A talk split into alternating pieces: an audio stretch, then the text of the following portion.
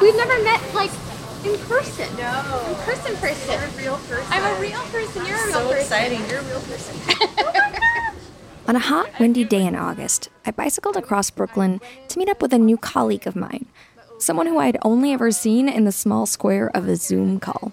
Just in case we need it, would you mind introducing yourself? Who are you? What do you do at Sidewalk Labs? I'm Allison Novak. I'm the head of Sidewalk Urban Development. I joined Sidewalk about eight months ago. I came from being a developer in New York City, mostly of housing.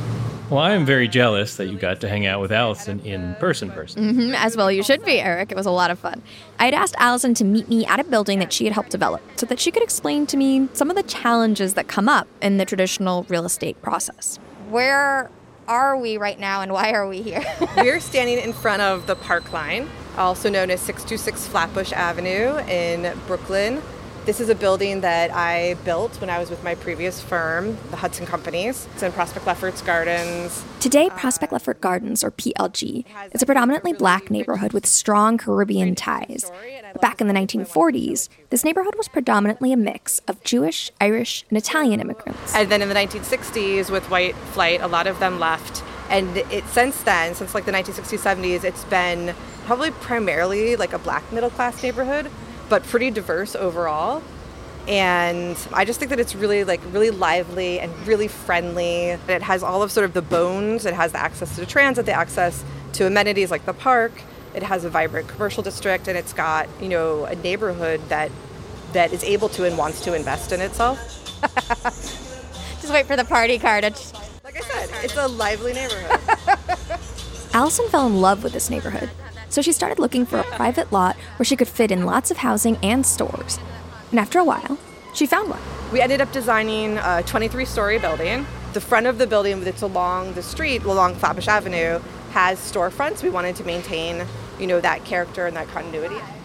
I really loved the building. When I went, I could see the storefronts were, were really occupied by cool places. There was a restaurant that had people, locals hanging out, eating, uh, talking. There was a little bookstore, independent bookstore. There was a school on the second floor.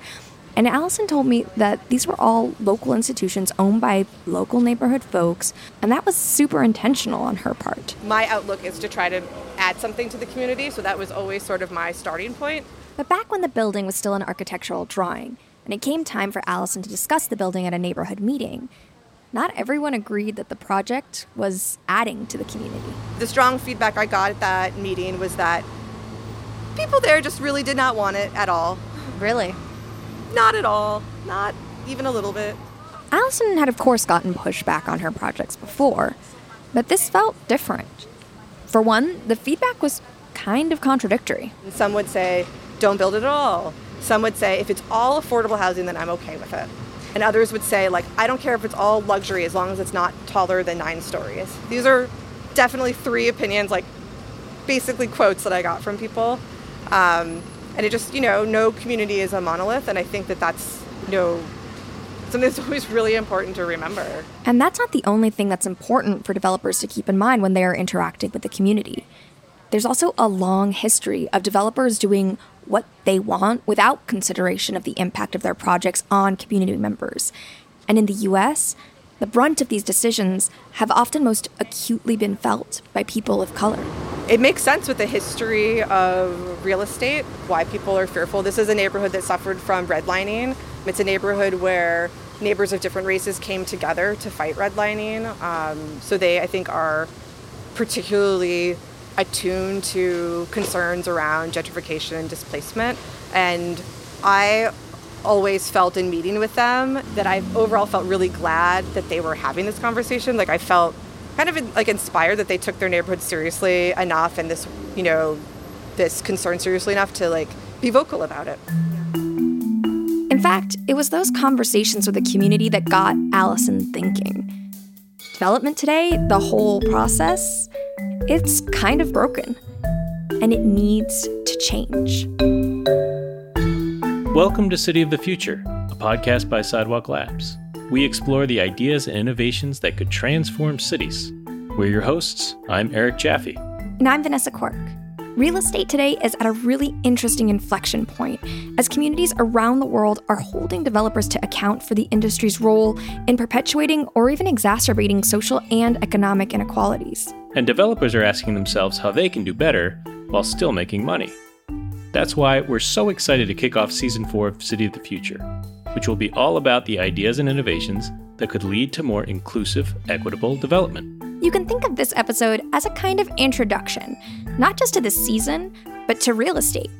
Because before we can understand how development could become more inclusive in the future, we have to understand how development works today. To do that, we knew we had to talk to our colleague Allison, Sidewalk's head of development, who you heard at the top of the show, and who spent a lot of her career thinking about just how development could be more inclusive. So before Allison was a developer, she worked for the city of San Jose. And back then, she just couldn't understand why it was that so often developers wouldn't do what the city or the community was asking them to. When developers would come to us and say that they couldn't afford to do something, I would find that sometimes to be really confounding. I, I didn't understand, um, and I didn't have the vantage point to understand where they were coming from. So that's one of the reasons that I went to graduate school. So Allison went from San Jose to MIT, where she studied real estate development and city planning. And she really wanted to dig into this question of why do developers do what they do? There are a lot of people in real estate who, like Allison, got into this business because they wanted to make the built environment a better place for people to live in. But as Allison got deeper into her studies, she realized that the whole real estate development process is structured around the financials. Right. Even as you strive to improve cities through a project, as a developer, you've always got to make that project pencil. So, Vanessa, Shall we break down how a development project traditionally hits that mark? let's do it. Let's. I'm, I'm sharpening my my pencils. I'm getting out my chalkboard. I'm ready. Let's let's teach. Get your pencils ready. So, step one is finding a site. If you're Allison and you're a housing professional, you're going to be looking for a site that would let you add a lot of housing to a neighborhood, as well as, you know, potentially add something to the urban fabric. But there are a lot of other factors to consider too. There are zoning requirements, there's square footage potential, all of these things can ultimately impact the bottom line. Exactly. When developers start any project, they create a financial model, what they call a pro forma. And that lets them know the projected costs and revenues of building something on a site. That's the way that they can figure out if developing on this particular site would be a good deal for them. So, on the cost side, you know, I'm guessing you have things like how much the land costs, how much construction costs, what are the architects going to cost to design it? What are the property taxes? That kind of thing. Exactly. But there are actually a ton of other costs that you've probably never even thought about. They're called operating expenditures or OPEX in dev speak.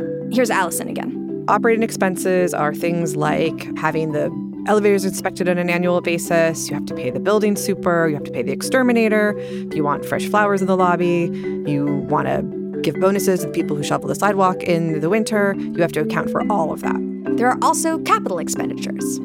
So capital expenditures are the dollars you you put aside for repairing the building or making other renovations. All right, so we've got all those costs. Then on the revenue side, I'm guessing you've got rents that you collect on apartments. That's right, which of course depends on the apartment size and type too. Now you have those numbers, your expenses and your revenues, and you net them out. So you take one and you subtract the other one, and then you find out what you have left. And if it's a positive number, then you say, This is good. All right. So if this is good and you're ready to go, you make an offer to buy the land, you negotiate, and you hopefully acquire it. Yep. Then you ask your investors to give you a loan, please. Allison told us that developers love debt. The less they're paying out of pocket today, the more they can spend on other projects, and therefore the bigger returns I think they'll get in the future. Of course, this adds a whole new level of difficulty into the mix because developers have to navigate what banks and other investors want to get out of the project. And also, it puts the pressure on to make sure that everything goes well with your building, since you have to make sure that you're going to have the money to pay back that loan later. And then once you have those loans and that money, you can start designing. But here's the crazy thing once developers hire architects to design a development, and you get closer and closer to what this building will actually look like, you have to do your financials all over again. In the beginning, you are working with the big picture of what you want to build Uh, you have some hypotheses around the type of project, residential, commercial. It's not fine tuned at that stage. And when you get into design, there you're really refining it. You're thinking about is it brick? Is it cast in place concrete? Is it steel?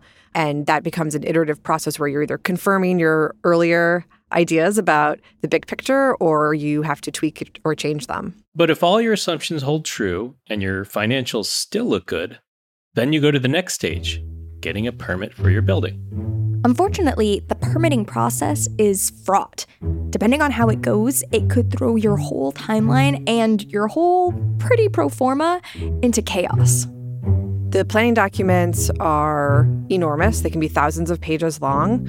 You are trying your best to follow the rules and requirements of those planning documents, those building codes, zoning codes, fire codes, and you're submitting your design based on those.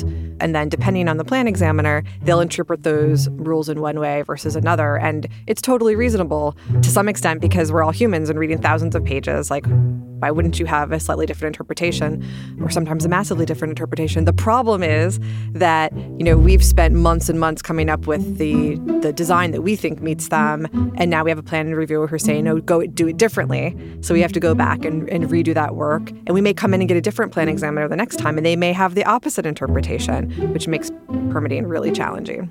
Oh, that sounds really frustrating. As a developer, this permitting process can be exasperating. It is laced with risk, tedium, and can last a long time because you are not in control.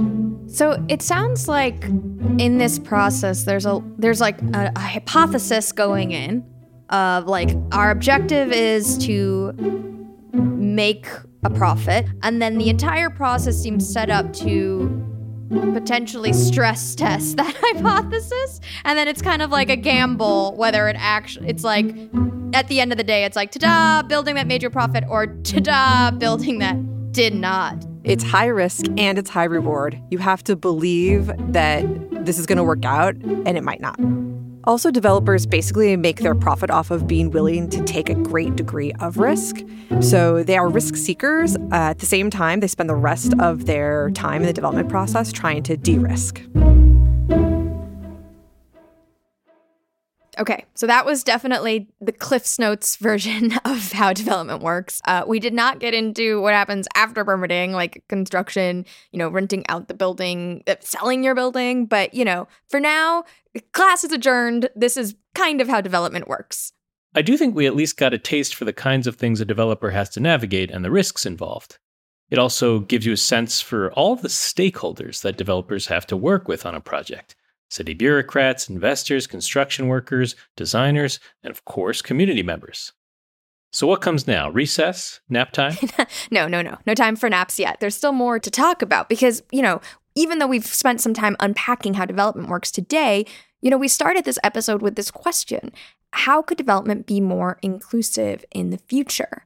And if we want to start to answer that question, I think we've got to sit on this concept of risk that Allison brought up. That concept of risk is really important. Right. With the status quo, development is a very risky endeavor. But not just for developers, that's true for community members too. Development is scary on both sides. Uh, for developers, you know, you are afraid that the community is going to derail your plan. Oftentimes, developers have put up personal guarantees. This is their profession, uh, and they're afraid they're going to go bankrupt. Um, for communities, you know, they're scared the developer is going to come in and destroy their neighborhood, that they are going to have to move out, that their friends, neighbors, family are going to have to leave the community, or it just won't be what it used to be. Many developers are beginning to see that sticking to this traditional approach, it has big risks of its own.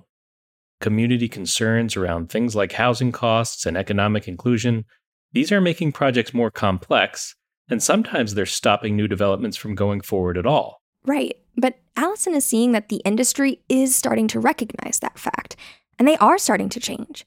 She's starting to see a shift in real estate toward more inclusive development. One thing that I've heard you talk about in, in staff meetings before is that, you know, as you were getting into development, you were really conscious of sustainability objectives and goals. And that was something that when you were starting out, the industry just hadn't really embraced yet. And you saw that evolve over the course of your career in development. And now I think you've you've said in the past that you feel like the same thing is happening with inclusive development. So would you mind just talking about what's happening in the industry right now? The first thing is that there's always been this this um, characterization of the developer as the villain, but in the last five to ten years, it's the the outcry has become worse. It's become more intense, um, and therefore more challenging to to do projects. The second thing that's happened is 2020, meaning the global pandemic, the murder of George Floyd, Black Lives Matter, all of those things that have brought to everyone's consciousness this incredible racial and other inequities that we have in American society. So I think those things together are causing a lot of pause for individuals themselves who are saying, like, you know, what am I doing? How am I impacting the world?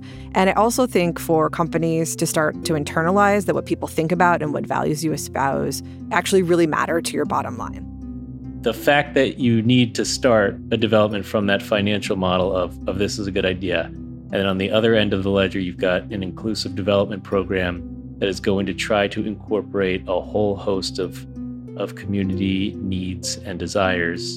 You know, is is that tension insurmountable? I don't think it's insurmountable. One of the things at Sidewalk Labs that I'm hoping um, we can make inroads on, and that the team is already working on, is finding ways to make development mutually beneficial to developers and communities.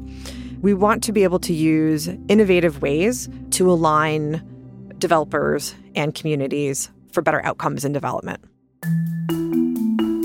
I think it starts with whether or not you really think that A, this is the right thing to do, and B, there's a business case for doing it. And I happen to believe that both are true, in which case, uh, what you do is build it into your financial model from the beginning.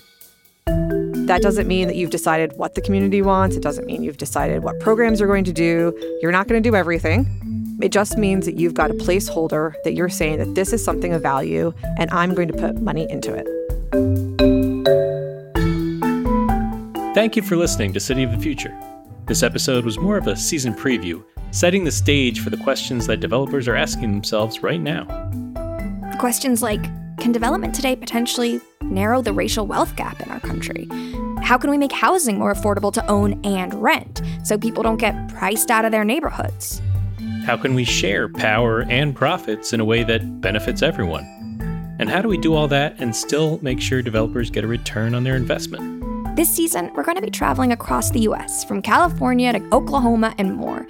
We're going to be talking to people who are starting to answer these questions in different ways and who are doing really innovative work that could make a difference for the future of our cities. We're so excited to share this journey with you and to kick off this conversation. So, subscribe, tell your friends, tell your colleagues, and especially tell those in the real estate world. Oh, and before we go, we have to thank the many lovely people who helped to make this episode possible. So thank you to Allison Novak, Jesse Shapins, and Crystal Dean from Sidewalks Development Team. Thanks to our producer Guglielmo Mattioli, our advisor Benjamin Walker, and our mixer Andrew Calloway. And as always, our music is by Adam James Levine Araday of Lost Amsterdam, and our art is by the great Tim Cow. We'll see you in the future. See ya.